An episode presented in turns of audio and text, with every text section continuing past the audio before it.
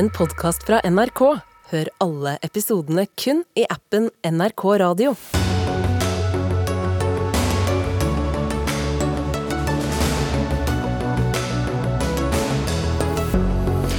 Alle er enige om at noe må gjøres for å bedre norsk eldreomsorg, men hva?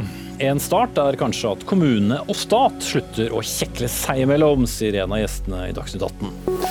Mange bedrifter må si opp folk i år, varslet Norsk Industri i dag, mens DNB tror at det høye rentenivået vi har nå, kommer til å vare lenger. Kommer det snart noen gode økonominyheter? Og hamstre eller ikke hamstre før 1.2 er spørsmålet. Ta påskehandelen nå du, så sparer du penger før prishoppet, sier professor, mens en forbruksforsker mener det er som å handle i blinde. Og opplæring i juks eller læring for fremtiden, kunstig intelligens. Debatten tas av lærer og elev. Ja, dette er Dagsnytt 18 torsdag. Jeg heter Espen Aas.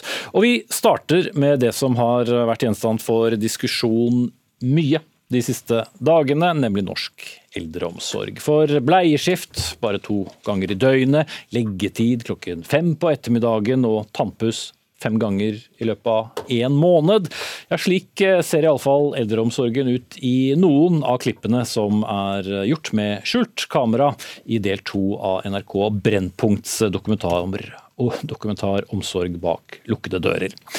Og Vi skal starte med historien til Torbjørg Ambjørnsen, som bodde på Furuheim sykehjem i Larvik i gamle Vestfold. Hennes datter Tone Ambjørnsen Torgersen fortalte om et godt førsteinntrykk, men så endret det seg. Vi møter mamma med klemskader, møkkete, uvasket og det skriver jeg også noe om i rapporter, og jeg skriver det også til sykehjemmet. Mm. Når jeg begynte å skrive loggen, så var jo det fordi at jeg opplevde jo den ene episoden etter det andre.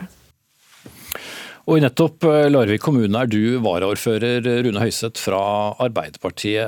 Hva svarer dere på det som kommer frem i denne dokumentaren? Ja, aller først må jeg få lov til å si at uh, dette gjør veldig sterkt uh, inntrykk. Vi erkjenner både administrativt og tverrpolitisk i Larvik at uh, dette er kritikkverdige forhold som framkommer av denne dokumentaren. Og det vil vi absolutt gjøre noe med. Mm. Ja, Det er det sikkert mange som håper at det er riktig, men hvorfor blir det sånn da? Nei, Det er nok med mange årsaker til det. Nå kommer vi sikkert inn på det med underbemanning og, og, tidsbruk og tidspress og, og alt det. Men jeg, vi starter med å si at for oss nå så er det veldig viktig at våre ansatte tør å melde fra. Altså det å tørre å melde avvik nettopp eh, for at vi kan eh, bli bedre. Mm. Men Mener du at det er en kultur der man ikke tør å si fra? Ja da, det, det tror jeg vi også må bare erkjenne. Hvorfor er det sånn da? At det har fått utvikla seg en kultur eh, gjennom mange år. Nei, Det er samvittighetsfulle. Altså, Vi har i utgangspunktet en kjempegod omsorg i, i Larvik kommune. Så har det fått lov til å utvikle seg. De står i press. Det er tema stram økonomi, og de bidrar. Og alle våre ansatte er kjempesamvittighetsfulle. Så jeg tror det grunner noe i det. Men nå er det altså Beramma, altså kommunedirektøren, har satt i gang en intern gransking, altså en intern revisjon Eh, og har også sendt brev eh, i går ettermiddag til eh, statsforvalter om, en, om et tilsyn.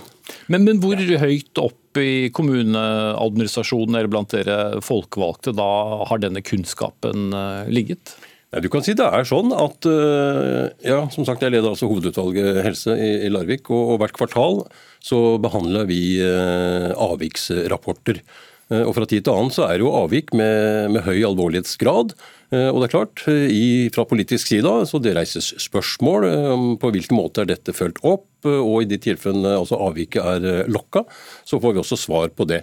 Så her har det noe med, med, med tillit å, å, gjøre, tenker jeg. For vi som folkevalgte vi må ha tillit til at det systemet og rutinene fungerer, hvis vi skal ha gjort noe med det. Men det må skjulte opptak til før det virkelig kom på dagsordenen? Ja, tydeligvis. Og det er kritikkverdige forhold som sagt, som vi skal gjøre noe med. Mm.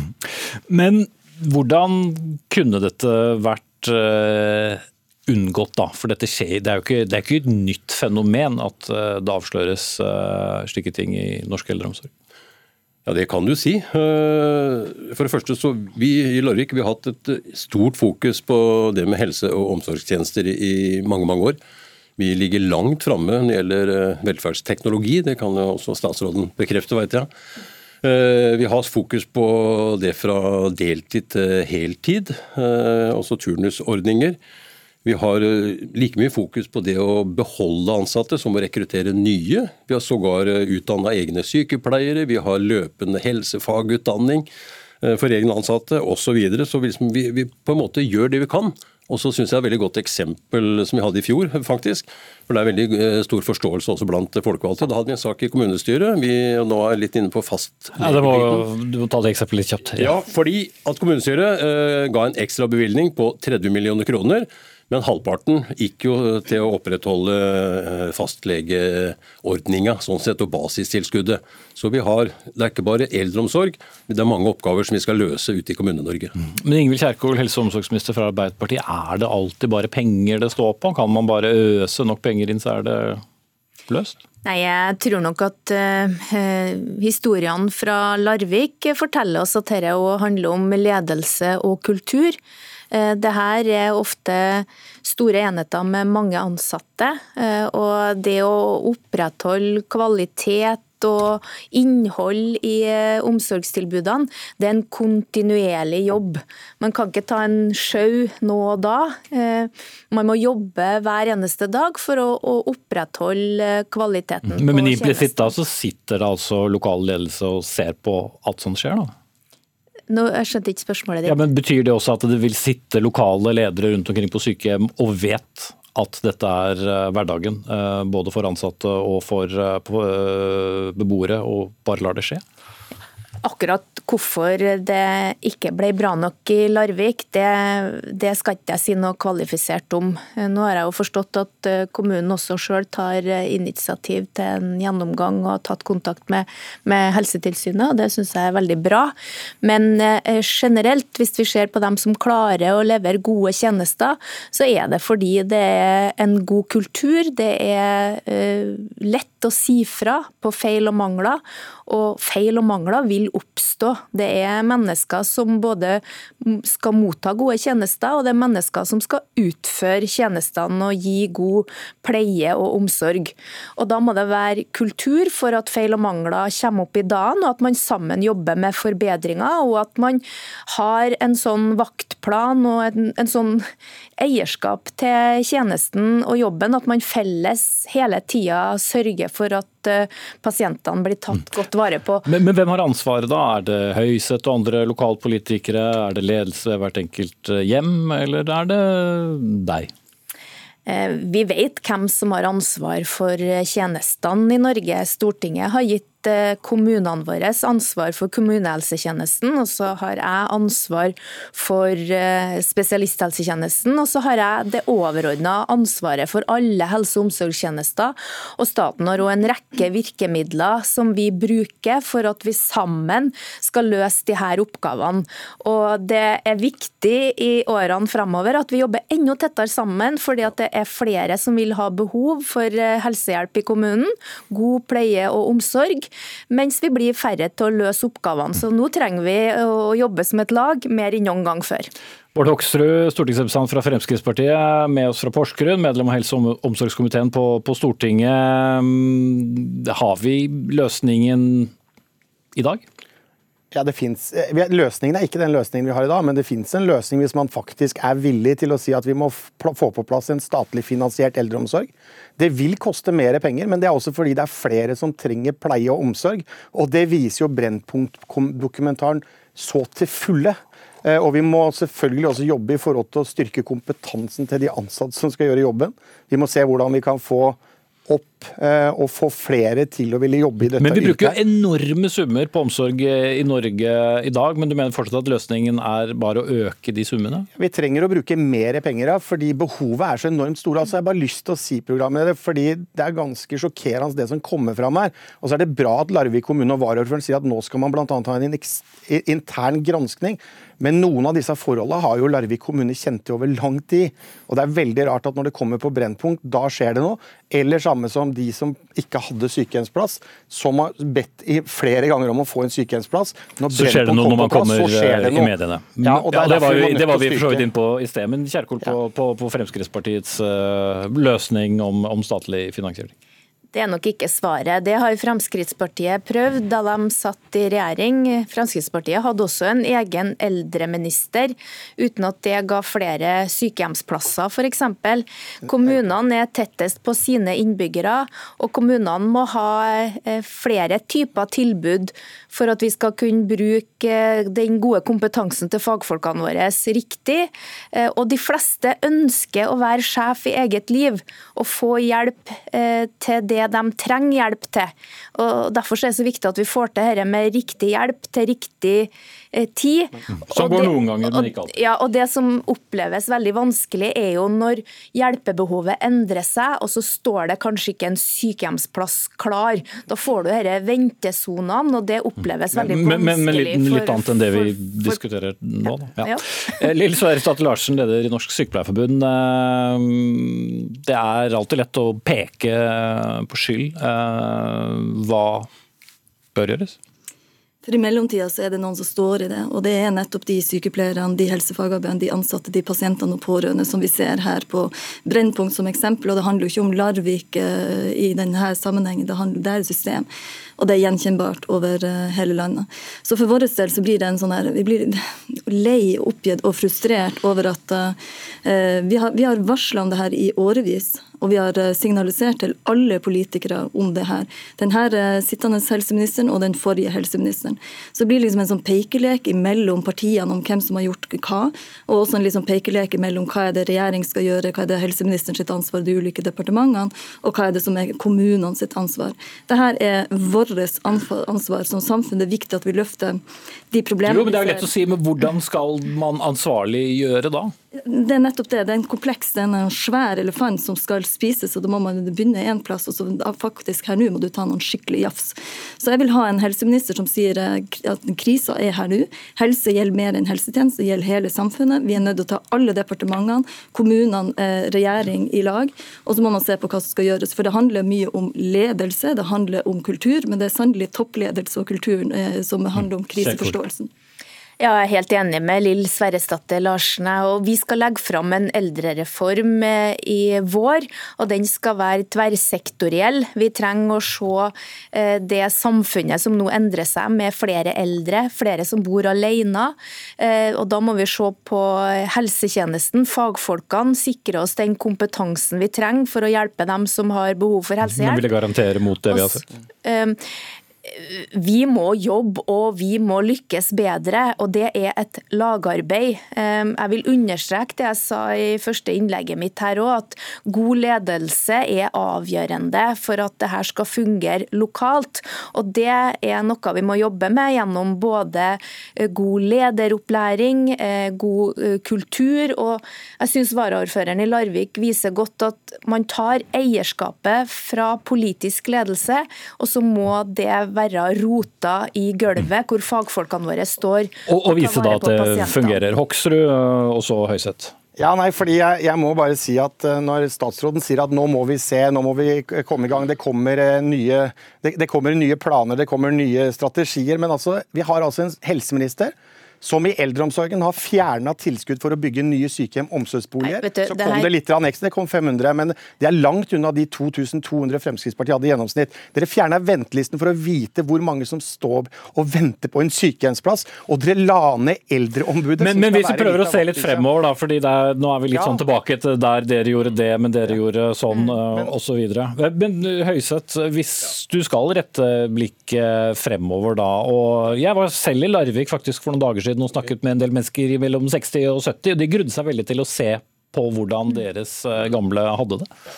Og Det er nettopp det vi må jobbe sammen for, å trygge. Altså Alle skal ha trygghet for at de skal ha en verdig og god alderdom, om de er i Larvik eller Tromsø eller hvor i landet måtte være. Jeg er veldig glad for å høre det statsråden sier. fordi Eh, ingen tvil om altså hvor eh, ansvaret og oppgavene er ute i kommunen. Ja, men vi klarer ikke å løse altså de fremtidige oppgavene alene. Det må også staten hjelpe oss med. Og når du nevner det da, så, altså det med, så kan vi jobbe med åpenhetskultur. Vi kan jobbe med tillitsbasert ledelse og, alt rundt det. Eh, og så er det noe med mm. å legge til rette. Men, men, men, men Larsen, hva skjer, vil dine medlemmer si, hvis man sier fra om at ting ikke er så bra på en arbeidsplass hvor det er knappe marginer og lite penger? Vi har undersøkelser som viser at de fleste, altså opptil 70 kvier seg for å gjøre nettopp det, for de opplever at de, får, at de blir straffa, rett og slett. De får ikke vakter, de får ikke kursing, de får ikke fulle stillinger, eventuelt. Så det er selvfølgelig et, eh, et problem. Og dessuten så blir avvikene, når de melder avvikene, så blir de uansett lukka, fordi at det er ikke ressurser, det er ikke penger til det, så man må bare fortsette sånn som man gjør. Og det er jo da de slutter. Så alle det her, det fine tiltak med ledelse, med heltid, med tillitsreform, men ingenting av det hjelper hvis du ikke har kompetanse på plass. Og det er sykepleierkompetanse kompetanse det mangler mest av. Vi er nødt til å ha det på plass. Kompetanse koster, og det betyr at det er en finansiering som må på plass òg. Mm. Kort til slutt, Høystedt, for jeg skal sette, sende, sende deg på gangen. Ja, nei, du, Jeg er veldig glad for det jeg hører, både fra Sykepleierforbundet og ikke minst fra statsråden. fordi det er noe med at her har hele fellesskapet et, et ansvar. Både vi som kommune, staten, organisasjonen organisasjonene, partene i arbeidslivet. altså Det er vi som skal være med oss og trygge og eh, få en verdig alderdom. Mm. Men de som ser og hører på nå, og hører på dere og alle sier at eh, ja, men nå, nå skal det bli bra? Står det til troende? Og så ble et enstemmig vedtak i hovedutvalget i går kveld at alle stemmer skal høres framover. Om det er ansatte, folkevalgte, pårørende. Altså Nå skal vi kjøre gode prosesser, så alle stemmer skal bli hørt. Mm. Da sier jeg eh, takk til deg, og for så vidt Ingvild Kjerkol og Lilly Sverresdatter Larsen også. Vi skal ikke gi oss helt med tematikken, for dette er en tematikk som ikke bare opprører og engasjerer pårørende, og for så vidt også de som er inne selv. For Silje Sjursen Skiphamn, nisjeredaktør for helse i Alltinget. Vi havner alltid på samme sted. Det pekes i, i mange retninger. Eh, men kan, er, er, vi der at én en sittende regjering egentlig kan ta ansvar? Jeg tror nesten at vi må si at det må være skylddeling her. og Jeg, har, jeg, jeg tror jo begge sider politikken de vil jo gjerne forbedre eldreomsorgen eh, og har det som ambisjon. Og Så tror jeg det er vanskelig da, når du går fra å sitte i opposisjon til posisjon, og du plutselig ser at du har en liten pengesekk som du skal fordele, og den er mindre enn det du skulle ønske at den var. Men jeg, jeg, jeg tror Kanskje må det noe sånn tverrpolitiske forlik eh, på, på gang for at det skal for at det skal komme en stor endring. Mm. For alle er alltid enige om etter hver eneste avsløring, enten om lang ventetid, folk som ikke får bo sammen, uverdige forhold sånn som vi så da i Brennpunkt-dokumentaren. Alle er jo enige om at det ikke skal være sånn, men likevel så klarer det å bli sånn. Mm. Jeg tror dem som har fulgt eldreomsorgen over år, de er ikke overraska over det som har kommet fram i, i Brennpunkt. Jeg tror eh, det har vært lignende avsløringer tidligere også. Eh, men samtidig så er det jo liksom sjokkerende å bli minnet på at det faktisk er sånn. Og så er det jo eh, veien fra liksom å vedta politikken på Stortinget da, til å få kommunene til å eh, lage det tilbudet som alle som gjerne vil at gjeldere skal ha. Og det tror jeg kan være litt vanskelig da.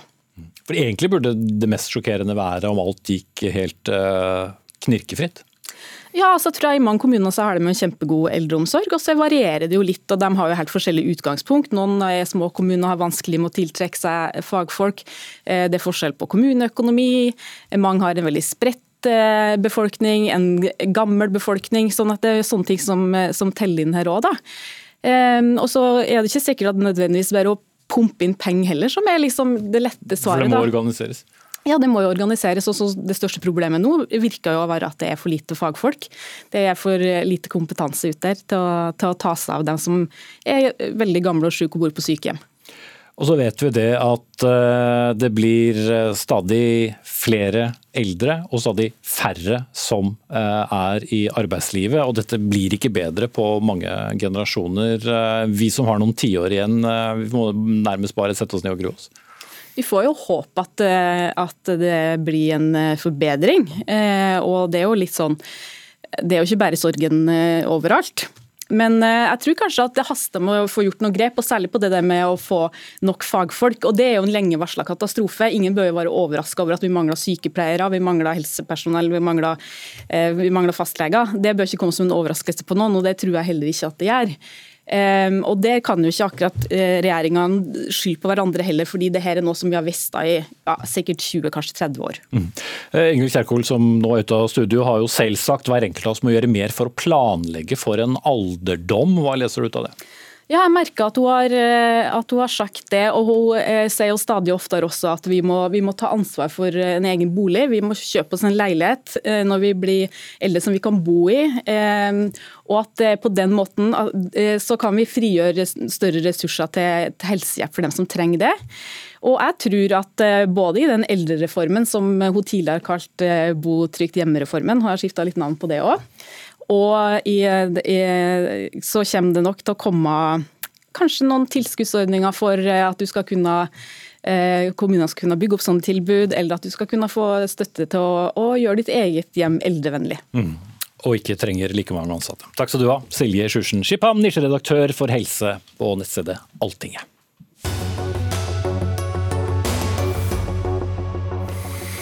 Ja, mens vi likevel har det så hyggelig. Flere oppsigelser i industrien, høyere priser, høyere rente for boliglånskunder og bedrifter, og et uh, urolig verdensmarked. Strangere tider kommer. Ja, slik er det mange rapporter som konkluderer om dagen. I dag var dette spådommer både fra DNB Markets og arbeidsgiverorganisasjonen Norsk Industri. Kjersti Haugland, jeg begynner med deg, sjeføkonom i DNB Markets. Enda to renteøkninger, men det dere også sa i dag er at renten kommer til å holde seg på dette nivået som vi nå iallfall kaller eh, høyt, en god stund inn i 2024. Og hva er det som kommer til å skje med privatøkonomien vår eh, på den tiden? Ja, altså 2023 så tror jeg at forbrukerne da vil sette tæring etter næring i en mye større grad enn vi gjorde i 2022. Forbruket vårt holdt, jo, holdt seg jo overraskende godt oppe når en tenker på den kalddusjen som kom i form av veldig høy vekst i levekostnadene og oppgang i rentene. Men nå har vi tært en del på våre sparebuffere. Eh, sånn, når jeg sier vår, så tenker jeg på den totale husholdningssektoren i Norge. Det er ikke sånn at vi tror at alt er brukt opp, det er nok fortsatt noe igjen. og det tror vi òg kommer til å bli brukt i noen grad for å holde forbruket litt oppe. Men det er likevel sånn at vi får en negativ utvikling i kjøpekraften. Eh, og da vil òg forbruket dippe nedover i 2023, tror vi. Og det er en brems for norsk økonomi. Mm. Men eh, så er det jo lønnsoppgjør eh, hvert år, enten det er mellomoppgjør eller hovedoppgjør. Og mange har jo da forventninger om å få tettet litt av det gapet. Hvis disse forventningene blir møtt, og de er for all del forskjellige. Hva skjer da? Ja, Det er jo de gode nyhetene da, for de som eh, sitter og hører på. At eh, vi tror det ligger an til ganske solide lønnsoppgjør i år. Vi tror jo på en eh, total lønnsvekst for samfunnet på litt i underkant av 5% Og I løpet av 2023 så kommer også denne prisveksten, som jo har vært helt unormalt høy, til å komme en god del ned. Det betyr at presset på kjøpekraften for folk vil bli mindre i løpet av året, nettopp fordi at lønnspåleggene kommer og prisveksten veksten demper seg. Så det er iallfall eh, noen gode nyheter oppi dette. Ja, Stein Lier Hansen, administrerende direktør i Norsk Industri. Sammen med din kollega Knut Sunde så, så du også fremover i dag. og Dere snakket jo om oppsigelser i, i mange bedrifter. Mange som har det tøft med, med, med stigende priser, høyere kostnader som må veltes over forbrukerne. Et lønnsoppgjør på 5 til våren? Ja, nå har vi ikke begynt lønnsoppgjøret ennå. Vi venter nå på teknisk beregningsutvalg for å få klarhet i en del dataer. Vi i norsk industri er så klart veldig opptatt av eh, hva er prognosen for våre konkurrentland. Hvordan våre vil bedrifter i, i, Sverige, Finland, Tyskland Eh, møte lønnsoppgjøret. For vi vil jo alltid være opptatt av at vi får et lønnsoppgjør som er rettferdig, men som ikke svekker industriens konkurransekraft. Og så er vi opptatt av endelig anslag for prisstigning. Eh, det er viktig i teknisk beregningsutvalg. Og vi er også litt spent på eh, hvordan endte egentlig lønnsoppgjøret i fjor. Det kan være en del spredning mellom grupper, så, så jeg vil ikke være veldig kategorisk nå, men vi vil avvente det som er vårt utgangspunkt da, når vi begynner å lage våre egne posisjoner. Men hva da alle dine medlemmer skal ha av lønnskostnader, i tillegg til de andre stigende kostnadene, kan jo for flere ha ganske mye å si for både lønnsomheten og hva, hvordan de priser da eh, det de produserer. Ja, altså, du kan si at det, det, Vi har jo litt forskjellige typer medlemmer, men eh, vi har jo medlemmer så klart som eh, klarer å håndtere høye strømkostnader ved at de tar hvelver over til forbruker. ikke sant? Altså De som er i skjerma sektor, som leverer innsatsfaktorer f.eks. Til, eh, til matvareproduksjon. så vil jo det føre til økt prisstigning og mer press i privatøkonomien. Og så har vi medlemmer som er mye mer konkurranseutsatt, som ikke er i, i skjerma sektorer, og som er helt avhengig av å være konkurransedyktige på internasjonale markeder. Og der er det veldig mye usikkerhet. Mye, altså, det er en urolig verden. Og det betyr at det er veldig uforutsigbart, og det tror jeg stresser veldig mange i dag. Og det har vi fått veldig mye meldinger om nå. Det er liksom ja, skal vi investere i Norge, hva er det lureste å gjøre? En kikker litt til USA, som har lagt fram en fantastisk omstillingspakke for grønn omstilling. Så jeg vil nok si at Norge og Europa er under press nå pga. uklare rammevilkår for, men, men, men, for, energi. Og så møter vi et aggressivt USA som egentlig kaster enorme mengder penger på bordet for å vinne i denne konkurransen. Men, tilbake igjen da til, til utgangspunktet, nemlig dette med, med, med, lønnsoppgjør. og Selv om ikke du vil forskuttere hvor det skal ligge hen, for det skal jo da være gjenstand for forhandlinger og, og sikkert eh, mekling, som det ofte også handler om. Men det er klart, altså, dette er en ganske hårfin eh, balanse, vil jeg tro, i, i år? Ut fra det, er, det som jeg hørte du sa, eller dere sa på pressekonferansen før? Det er en hårfin balanse, og jeg legger også merke til at flere sentrale forbundsledere i LO eh, liksom argumenterer jo for at staten må legge noe på bordet for å gjøre lønnsoppgjøret litt enklere. Det kan være bedre strømstøtte, det kan være grep som gjør at eh, en eh, ja, ikke svekker kjøpekraften så mye som ellers hadde gjort. Det vil jo bidra til å smøre lønnsoppgjøret, men vi er ikke kommet helt dit ennå. Vi avventer litt.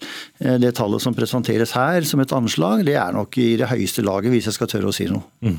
Ja, Haugland, denne strømstøtten stadig omdiskutert, og det er den beste vi har noe sted, sier enkelte medlemmer av, av regjeringen. Men hvis den da blir enda bedre, altså hvis staten tar enda mer av folks eh, strømregning, så vil jo det ha en direkte påvirkning på, på, kjøpekraften, og, og, sånn sett kunne spille inn i lønnsoppgjøret som, som starter etter hvert.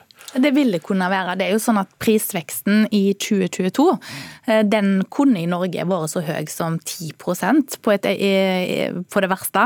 Men var toppen var betraktelig lavere enn det. Og Det handler jo nettopp om strømstøtten, som tar vekk de største pristoppene. Og Det ser vi jo òg i andre land, eh, at, at, dette her virker inn på prisveksten, som da blir lavere enn den ellers ville vært. Problemet her er jo at vi har fortsatt en situasjon med press i norsk økonomi. og hvis det skal gis mer eh, støtte, så bør det tas fra andre plasser i ganske, den store budsjettramma. Eh, og det blir jo vanskelig å få til. Det har historien eh, vist oss. Mm. Ja, andre steder, hva, hva, mener du da? Ja, andre budsjettposter, rett og slett. Alle de milliardene kronene som er bevilga over statsbudsjettet. Hvis en bare tar penger fra oljefondet for å eh, fylle på her og for å gi mer støtte, da, vil, da er det penger penger ut i økonomien. Det høres jo veldig bra ut der, penger ut i økonomien, men husk nå at penger er et betalingsmiddel. Eh, hvis det er press på kapasiteten i økonomien allerede, så vil bare mer penger ut i økonomien føre til press oppover på priser og ikke til høyere vekst. Det er viktig å ha med seg. Men så blir 2023 nok et år der det vil bli mer ledig kapasitet i økonomien etter hvert. da. Mm, så da går det litt uh, riktig vei. Men vi hadde jo en eh, debatt her om eldreomsorg uh, før dere kom inn, Lier Hansen. og Det er jo stadige forventninger da i offentlig sektor som skal forhandle etter dere om at de må få en god del mer enn det som dere kan gi da i, industrien, som jo stadig er en hodepine da for dette frontfaget som du representerer. Ja, nei, det er klart, Jeg skjønner det, men det er jo enighet i alle hovedorganisasjoner og politiske partier at en skal ivareta frontfagsmodellen. Men så er det jo sånn at grupper, altså mindre grupper i det offentlige, kan jo godt få høyere lønnsdannelse enn frontfaget, så lenge staten eh, totalt sett ikke går forbi frontfaget, og så lenge kommunene totalt sett ikke går forbi frontfaget. Og Det har vi vært med på før. Vi har vært med på å si at ålreit, skal vi rekruttere flere politifolk, så, det, så, må vi forstå at politiet kanskje skal ha en bedre lønnsvekst i en periode. Og Det kan skje med andre grupperinger òg.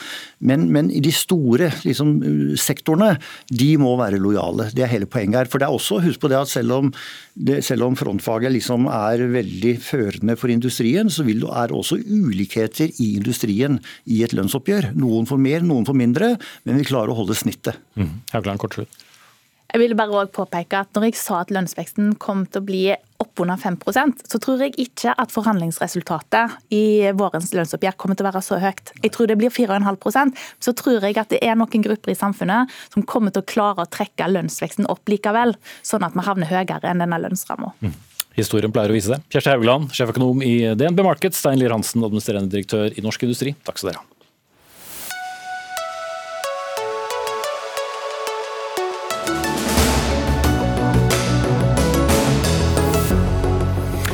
Klokken er 18.30. Dette er eh, Dagsnytt 18. Senere i sendingen om kunstig intelligens i skolen i form av programmet ChatGPT. Er det uansett juks, eller kan det brukes normalt?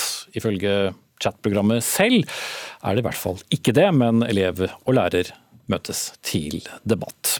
Så til det økte norske og vestlige bidraget til Ukraina. For ganske nøyaktig ett døgn siden så bekreftet eh, Norges forsvarsminister for første gang her i studio at Norge, i likhet med en rekke andre Nato-land, skal donere stridsvogner til eh, Ukraina. I dag kunne Dagens Næringsliv melde at ukrainske soldater skal trenes opp på norsk jord for aller første gang. Og eh, Gro Holm, NRKs korrespondent i Moskva. Denne, disse nyhetene om den økte vestlige støtten, hvordan blir den mottatt eh, der du er? Ja, Det at uh, flere sentrale Nato-land, da med USA, Tyskland og Storbritannia i spissen, samlet går inn for å sende flere uh, avanserte stridsvogner til Ukraina, det oppfattes her som en ytterligere innblanding i konflikten. og Pressetalsmannen i Kreml, Dmitrij Peskov, sa i dag at det er helt klart at de, vi ser på disse landene som en del av konflikten i Ukraina. Det var litt mer dramatisk enn han sa i går. Da sa han at disse, disse stridsvognene kom til å brenne som andre stridsvogner har gjort før. Men, eh, men det er klart at eh, gjennomgangsmelodien her er at forsøkene på å si at de står utenfor konflikten, eh, det stemmer ikke. Og så diskuterer man da hvor stor militær betydning vil dette ha på slagmarken etter hvert, og der er det litt meningsforskjellinger her også. Ja, og Veien er, er, lang fra slagmarken i Ukraina og, og, til Kreml. Vet vi noe om hvordan Putin og hans innerste krets leser situasjonen der? Det, det, er faktisk ganske påfallende hvor taust det har vært fra både forsvarsministeren og forsvarssjefen, som jo også nå er øverstkommanderende for operasjonen i, i Ukraina. De har ikke kommentert den siste utviklingen. Eh, så, eh, så, vi vet ikke så mye om hva Putin innerst inne tenker, og sånn har det jo vært hele tiden. Eh, at selv, selv hans nærmeste, eller de som, de som sitter i Forsvaret og etterretning, ikke alltid vet hva han Eh, hva han mener. Eh, det er interessant nå at en av sjefsideologene i Kreml, Nikolai Patrusjev, i dag gikk ut og sa at eh, denne krigen kommer Vesten med USA i spissen til å fortsette etter at den varme krigen er slutt, som han sa. For målet er å ødelegge Russland ved hjelp av nazistene. Og dette har jo bare vært den ideologiske gjennomgangstonen hele tiden. Og, og mye tyder på at det er det som er, det er, det som er Putins også holdning. Og Snart kan russiske soldater også møte soldater som er blitt trent opp eh, av nordmenn på norsk jord. Generalmajor Elisabeth eh, Mikkelsen, sjef for Heimevernet. Hvilke soldater er det som nå skal læres opp? Norge har jo sagt at vi kan tilby å trene ukrainske soldater. og Dette er jo primært eh, soldater som trenger fagutdanning. Dette er innenfor sanitetsfaget, innenfor det å være lagfører og også skarpskyting. Det er det vi har tilbudt. Mm. Hvorfor eh, skal man eh, tilby denne opplæringen på norsk jord? Behovet for kompetanse i det ukrainske forsvaret og behovet for etterfyll av soldater med god kompetanse er jo veldig stort. Det at Norge bidrar og at vi tilbyr og at vi tilpasser dette her sammen med de andre treningsinitiativene, er eh, viktig. Eh, vi har funnet en del kompetanse som vi kan tilby, som vi har god kompetanse på her hjemme. Og treningsinitiativet er godt mottatt. Mm. Men presisjonsskyting? Det er bli gode skyttere på sitt primærvåpen vi vil sørge for at de blir. Mm. Eh, vi har jo ikke noen tradisjon for å trene opp stridende soldater i vårt eget eh, land. Eh, hva, vil dette ha noen påvirkning for vår egen sikkerhet? Nå har Norge bidratt på veldig mange måter i denne krigen. her. At vi bidrar er på sin plass. Da, at Ukraina kjemper en kamp mot russerne og har eh, retten til å gjøre det, og vi har retten til å støtte det, er, eh, er viktig eh, å forstå. Samtidig som det er viktig å forstå at dette er viktig for både Norges og Europas sikkerhet. Så det er absolutt på sin plass at vi bidrar. Mm. Men noen er også bekymret over risikoen knyttet til den vestlige støtten til Ukraina. og En av dem er deg, Kai Eide, tidligere diplomat og med bred sikkerhetspolitisk erfaring. Tidligere Nato-ambassadør. Til og med. Hva er det som bekymrer deg? Eh, det som bekymrer meg, er at jeg syns det tas for lettvint i diskusjonen her hjemme. Det gjaldt altså i Dagsnytt 18 i går, hvor spørsmålet ble stilt om eh, reaksjoner på russiske uttalelser. Og da heter det at eh, nei, dette er for å splitte Vesten, eller det er for å gjøre inntrykk på egen opinion. Men man skal ikke se bort fra at dette her reflekterer også dypere tanker på russisk side, ut fra deres geopolitiske perspektiv. Vi har i mange tiår vært veldig flinke til å sette oss inn i hvordan Moskva tenker. Det har vært en styrke i norsk utenrikspolitikk. Derfor har vi også greid å holde et såpass godt forhold som vi har gjort.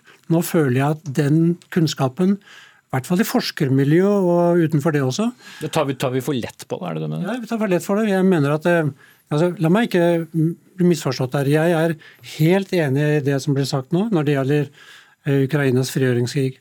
Eh, men det jeg mener er at eh, eh, vi må samtidig som vi er engasjert på ukrainsk side, må vi også kunne kjølig vurdere hva kan være en mulig reaksjon fra russisk side. og Det mener jeg vi ikke gjør i tilstrekkelig grad. Det, det blåses liksom litt til siden. Vi har snakket om eskalering i, i, lang tid nå, men det er først nå at du når et tidspunkt hvor det faktisk blir en mer akutt problemstilling. Og Det mener jeg vi bør diskutere. Fordi vi må presentere oss for det norske folk en ganske realistisk forestilling om hva uh, mulighetene er og opsjonene er framover. Mm. En som satt her i studio da vi diskuterte dette i går, det var deg, Geir Hågen Karlsen, oberstløytnant i, i, Forsvaret, og, og, og, stadig en som, som kommenterer situasjonen. Hva svarer du, Eide?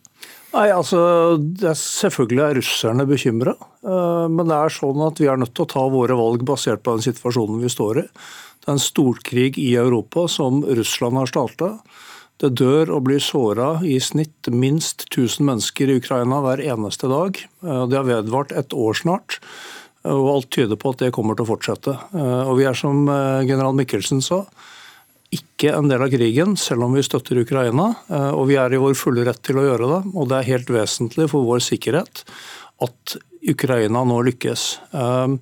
Og så er det jo ikke sånn at vi ikke tar dette alvorlig. Vi har jo vurdert veldig mange scenarioer her. Eh, vi har sett på f.eks. faren for et russisk militært angrep. Finnes nesten ikke militære styrker enn på Kolaløya like ved Kirkenes. Eh, fordi de er opptatt i, i krigen, eller døde, de som var der innledningsvis. Eh, vi har sett på trusselen for cyberangrep. Eh, vi vurderer selvfølgelig trusselen for angrep mot norsk gassforsyning til Europa, som er kritisk viktig nå. Eh, det er en grunn til at vi i Forsvaret sammen med næringslivet og mange andre har kjørt en omfattende operasjon for å sikre gassrørsystem og installasjonene. Og en lang rekke andre områder, så det tas alvorlig. Men samtidig er det til syvende og sist sånn at vi må ta våre valg ikke basert på trusler fra Russland, med hvilke interesser vi har og hva vi verdimessig står for. Så, så, så, så hva er det du egentlig savner da av eh, Hågen Karlsen og andre? Det jeg savner er en, en uh, vurdering av hvordan, hvordan, man fra Moskva ser dette. Og det må si, uh, hvis du ser på Østersjøen, så er det i ferd med å bli noe helt annet enn det det var for relativt kort tid, tid siden. Hvis du ser på Svartehavet, hvis du da tenker deg en, en krig som skal ende med en russisk kapitulasjon, dvs. Si man gir opp Krim, så vil det også berøre russernes mulighet til å bruke Svartehavsflåten. og de vil da miste denne Sevastopol-basen de har. Det er klart at fra russisk side, fra, jeg sier fra russisk side så er dette her en ganske vesentlig endring i det geostrategiske bildet. Og Hvis alternativet er å, å tape ansikt, eh, så tenker du at man heller vil gå til mer drastiske altså for, manøvre? For en stund siden, så, fra, fram til rett etter nyttår, så snakket man om, et, eh, om forhandlinger og kompromiss osv. Eh, til og med parlamentariske ledere i Stortinget gjorde det. Nå snakket man om en seier. Hva betyr en seier? Betyr det full frigjøring? Det betyr Krim. Og Krim, må man jo vite, er veldig sårbar. Og er det punktet som kanskje er triggerpunktet for en eskalering. Eh, vil, vil Putin akseptere å legge seg på ryggen? Eh, og undertegne en, en kapitulasjonsavtale. Høres ut som ditt svar på det er nei. Nei, men la meg få lov å fortsette. fordi det hevdes veldig ofte at de fleste konflikter ender ved forhandlingsbordet. Jeg hørte det senest i går. Det er ikke riktig. Jeg forstår ikke hvor folk har det fra. En tredjedel av konfliktene ender i omforente eh, resultater. En tredjedel ender i kapitulasjon fra én part, og en tredjedel ender med at krigen ikke løses, men blir liggende der som en frossen konflikt. Karlsen, og så skal jeg til Moskva. Siste, de fleste kriger avgjøres på slagmarken. Det er jo det vi er enige om. Jeg har aldri sagt at det avgjøres ved forhandlingsbordet. Men, men det, det prates liksom som man ydmyker Putin om å gå til kapitulasjon. La oss nå gå litt tilbake. Eh, Russland har signert en seks-syv internasjonale avtaler hvor de har akseptert eh, Ukrainas grenser, herunder at Krim er en del av Ukraina. Denne krigen starta Russland i 2014. Den har vart i snart ni år. Det er Russlands feilgrep. Russland hadde en eh, avtale om å leie flåtebasen i Sevastopol, som Eide er så bekymra for, fram til 2042, med opsjon for forlengelse i fem år. 2047. Ja, de gikk altså til krig isteden i 2014, så det, det var ingen umiddelbar eh, fare for noe som helst der. Dette var en politikk i, og en demokratisering i Ukraina som de så trua, trua sitt autoritære og korrupte styre. og Det ville undergrave Kreml direkte ved å få demokrati ved sine egne grenser. Så det er en lang rekke andre faktorer her også som vi kan gå inn på. Men det er liksom veldig viktig å huske på disse bakgrunnene her. Mm. Eh, jeg lovte Groholm i, Moskva ordet også på, på hvorvidt noen vil legge seg på rygg eller tappe ansikt. Altså, jeg tror at Noe av utfordringen her er at Putin er ikke en mann som uh, snakker om røde linjer. Man vet ikke hvor de går, fordi han er en politiker som bestemmer seg uh, underveis. Uh, og selv ofte hans nærmeste, som jeg sa, vet ikke. så det en i hvert fall kan si, er at for, for, vestlige land som nå hjelper til med våpen, så er det alltid en risiko når en går så langt som en går nå, at en ikke vet hvor den røde linja går. Om den går ved Krim f.eks., eh, hvis eh, Ukraina velger å bruke stridsvogner offensivt for å gjenerobre Krim. Eh, og, det at vi ikke vet, eh, det gjør jo i hvert fall at man fall Man må, man må tenke og, og, operere med, med noen eh, scenarioer, og det tror jeg vel også at man gjør rundt omkring i vestlige forsvarsdepartement. Mm. Eide også, Karlsen. Altså jeg synes det, det Karlsen presterer, er eh, demagogi. Han påstår at jeg er opptatt av Sevastopol-basen. Bekymret over det. Nei, nei, altså jeg sier at russerne er det. Man hører hva jeg sier. Og det, sier, det jeg er lei av, det er at militæret kommer hit til dette studio. Eh, de har sin faglige militære ekspertise men uttaler seg om absolutt alt. Til og med altså en av dine kolleger for noen måneder siden som uttalte seg om mellomvalgene i USA. Det går ikke. Dere får holde dere til det, dere har greid. Dere, dere, dere må holde vi, vi, holder oss til saken Russland, ja. Jo, men dere må holde dere til det dere er greie på.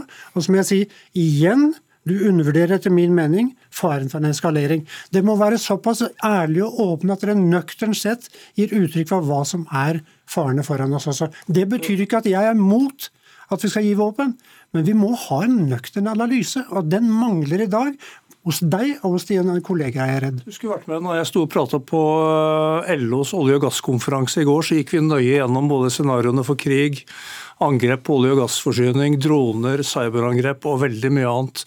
Jeg skal love deg at folk både i Utenriksdepartementet, Forsvaret og lang, lang rekke andre steder tenker på dette ganske ofte.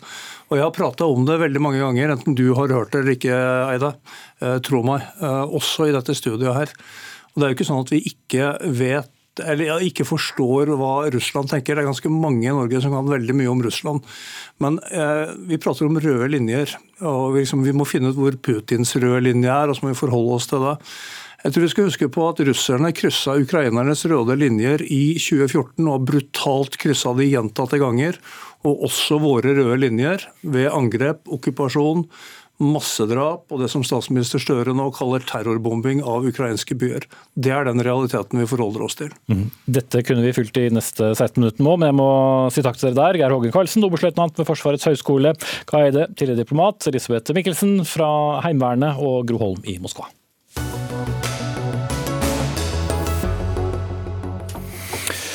Rådet om å storhandle nå, den siste uken som er igjen før dagligvareprisene går opp, ja for det gjør de fra 1.2, ja det er kanskje ikke så lurt likevel. Matvarekjedene de justerer altså prisene to ganger i året, og fra 1.2 nå så blir maten etter alle solemerker dyrere, ja mye dyrere. Men ifølge Forbruksforskningsinstituttet SIFO er det flere feller du kan gå i som eh, faktisk kan gjøre dette vondt verre. Og Silje Elisabeth Skuland fra SIFO ved Oslo OsloMet, du er forskningsleder der. Hva, hva er fallgruven med å storhandle nå den siste uken før prishoppet? Det vi finner i våre studier er jo det at det å storinnhandle alltid er forbundet med økt matsvinn. Og det sier seg jo selv, da tjener du jo ikke penger på det. Og så er det jo, altså Faren er jo ved at du kjøper ting du ikke liker, f.eks. Eller ting du blir lei av. Eller at du rett og slett ikke klarer å porsjonere ut eh, denne storhandelen på en sånn måte at du tjener pengene igjen på det. At du rett og slett spiser mer. Og dermed eh, ikke noe å hente på det. Øystein Foros, professor ved Norges handelshøyskole. Det var jo du som tidligere denne uken sa til, til VG at det er smart å, å handle nå. Men det er ikke sikkert det er det? Ja, det er nok eh, stor sikkerhet for at eh, prisene går opp. Eh, for å illustrere det, hvis vi går i butikken og bruker 100 kroner, så sitter dagligvarekjedene igjen med en fortjeneste på 3-4 kroner. Og Det er i snitt over året, sånn at de tjener nok mindre enn det nå etter julekonkurransen. Og av de 100 kronene så går 70 kroner i innkjøpspriser. Og Hvis vi nå får en økning i innkjøpspriser på mellom 5 og 10% som mange snakker om, ja, så må prisene gå opp. Selv i en situasjon hvor dagligvarekjedene eventuelt ikke skulle tjene noe som helst eh, penger. Også... men, men, men, Jeg skjønner den delen av det for oss, men hvordan skal man vite hvor man i så fall skal eh, kjøpe inn på forhånd da og gjøre en god handel? For vi vet jo ikke om det er havregrøten som blir dyrere, eller om det er eggene eller osten. Vi vet bare hva som har gått opp tidligere. Nei, Vi får nok en bred prisoppgang hvis vi får en slik bred eh, økning i innkjøpsprisene. Og vi har også fått en bred økning i andre eh, kostnadene. Så hvis vi ser på hele kurven, eh, så er det rimelig at den blir, blir høyere. Og De aller fleste produktene vil nok gå opp i pris, men det vil være store variasjoner. Mm. Da er det bare å handle det man vanligvis handler, da? bare litt større kvanta? Skulderen.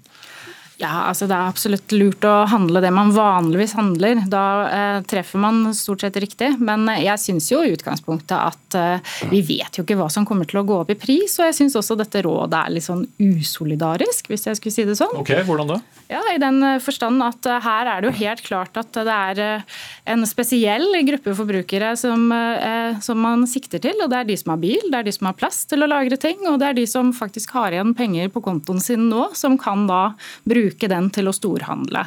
Det er nok ikke nødvendigvis et råd som er myntet på de som har lite, og som sliter økonomisk. For oss. Ja, det er lurt å være bevisst på, på, langs mange dimensjoner når man er i butikken. Eh, men mitt poeng er at det å være klar over disse prisvinduene er en del av det å være bevisst forbruker i Norge. Prisene spretter opp også til vanlig 1.7 og 1.2, men når vi har store kostnadsøkninger, så vil de sprette opp mer. Mm.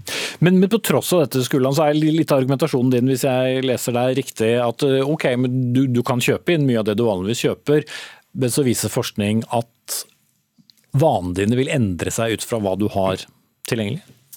Altså det er jo selvfølgelig, Hvis det bugner av eh, godsaker hjemme, så er jo sjansen større for at man eh, går og forsyner seg av det. Det sier seg selv.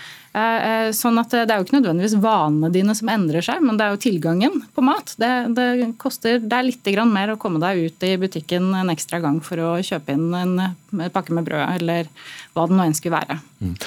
Jeg tror i alle av de i hvert fall ti-tolv avisene jeg har vært igjennom i løpet av denne dagen, så alle skrevet om dette prishoppet som kommer. Det er jo fristende likevel å tenke det når det er varslet så til de grader på forhånd at alt blir dyrere, at man kan gjøre noen grep? Eller hva, hva, skal vi ellers uh, gjøre? Det å handle i utlandet er heller ikke så lukrativt lenger, for der har prisene steget også ganske mye. Ja. Nei, så Er du en type som storhandler og som har oversikt over matforbruket ditt, eh, og som vet sånn cirka hva som går med, så eh, kjør på. Gå og storhandel. Men er du det ikke, så er det ikke nødvendigvis sånn at det er det lureste tidspunktet å endre vanene sine. Nei, men, men da må vi bare vente og se og, og betale mer da, eh, om en drøy uke. Ja, eller kanskje det er akkurat de tingene du liker som ikke går opp i så mye pris. Altså, vi, vi får se. Vi vet ikke helt enda. Mm. Altså, selv om vi ofte snakker om eh, denne økningen i februar og da også på høsten, for oss, så er det sjelden vært så mye fokus på det akkurat nå. Hva kan kjedene finne på å gjøre? Og som vi vet, det er jo ikke så mange av dem uh, i Norge, og de vet godt om hverandre. Ja, bevisste forbrukere det er bra for konkurransen. og Det skjerper konkurransen. og Vanligvis har de jo kunnet holdt på med dette i en par uker i begynnelsen av februar og en par uker i begynnelsen av juli uten at det har blitt så stor oppmerksomhet rundt det. Men at vi forbrukere er bevisste både på dette og andre ting når vi går i butikken, det skjerper også kjedene. Eh, så det vil skjerpe konkurransen. Er det noen teoretisk mulighet for at eh, kjedene kunne funnet på å ikke sette dem opp, eller ligger dette så godt inn i kalkylene for oss? Eh, nei, altså som jeg forklarte, altså hvis vi får de kostnadsøkningene som vi nå har hørt signaler om det skal være, eh, så må de jo sette opp eh, prisene. Og ser vi også rundt landet rundt oss, så har prisene gått mer opp. Det nærmeste er jo å se på Sverige, hvor har, de prisene har gått opp mer det siste året. Og det er også slik at prisene er høye i Norge, men de har da ikke gått eh, så mye opp som i mange andre land rundt oss. Faktisk kan vi gå mange år tilbake. Vi kan gå tilbake til 2010 eh, og frem til i dag. Så har prisene gått mer opp i Sverige enn i Norge, men de starta på selvsagt på et mye lavere nivå. Mm. Ingen vei ut, med mindre man har en tidsmaskin. Øystein Foros, professor ved Norges handelshøyskole, og Silje Iresbeth Skuland, forskningsleder ved SIFO ved Oslo OsloMet.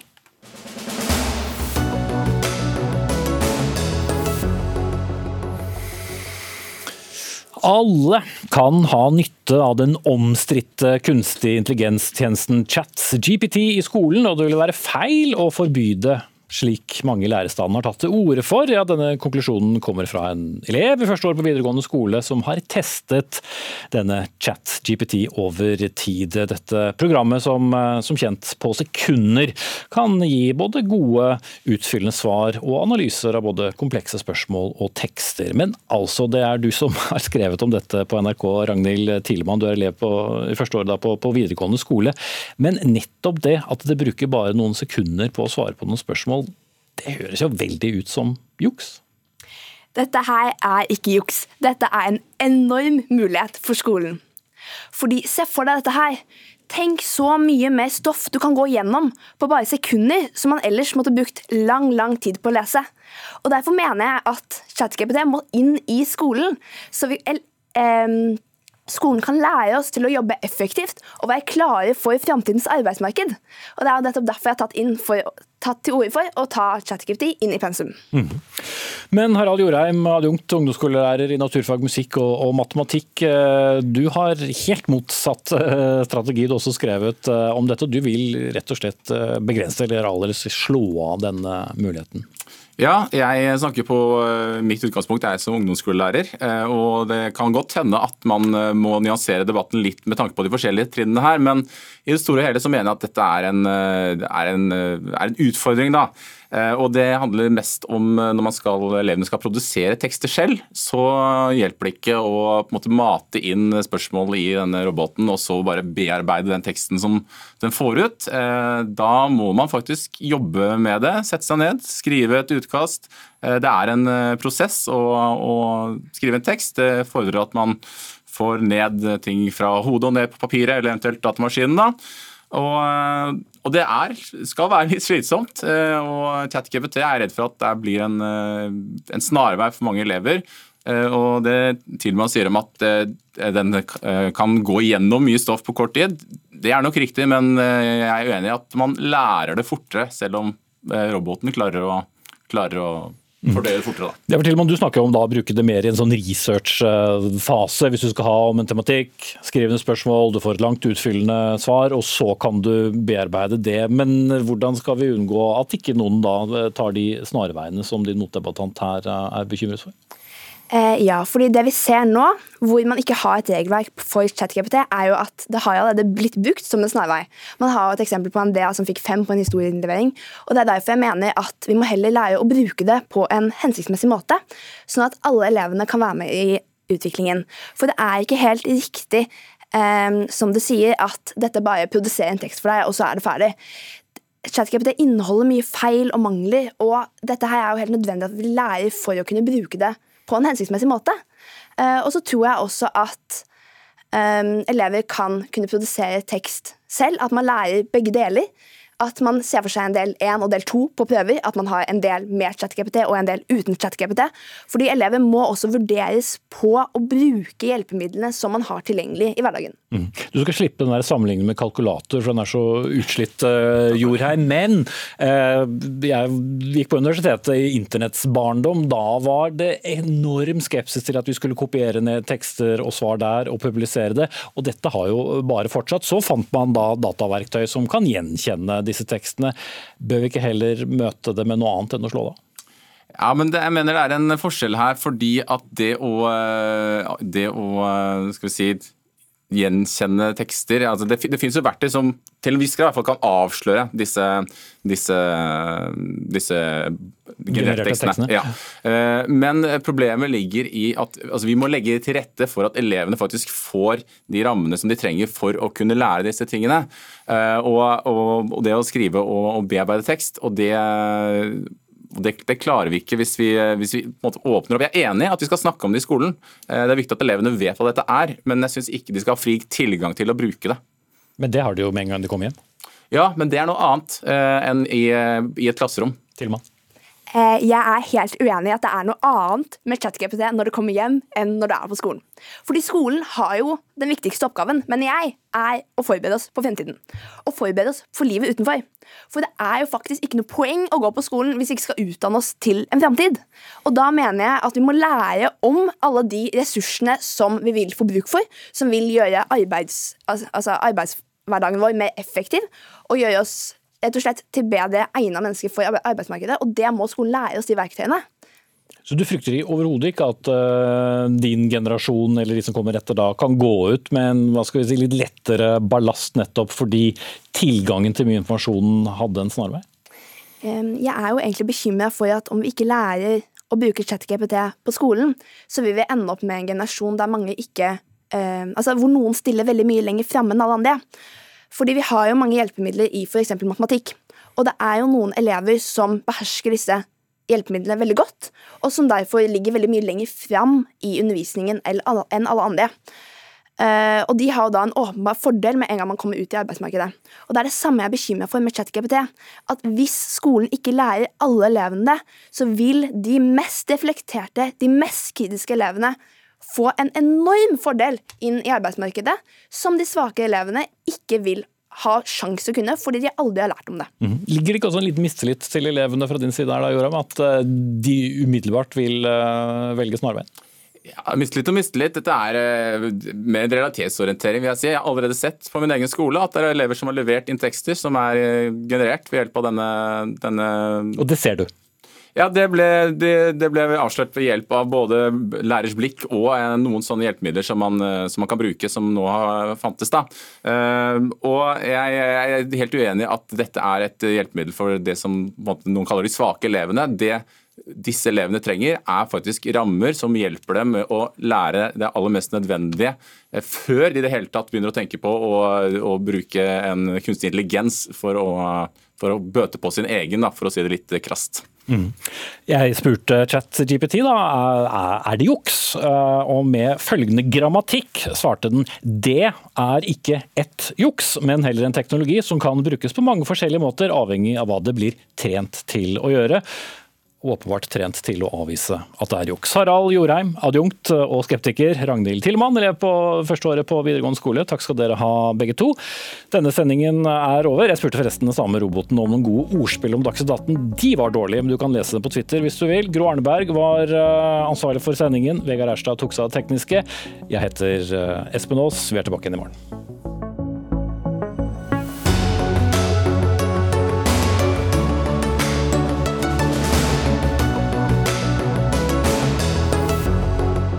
Du har hørt en podkast fra NRK. Hør alle episodene kun i appen NRK Radio.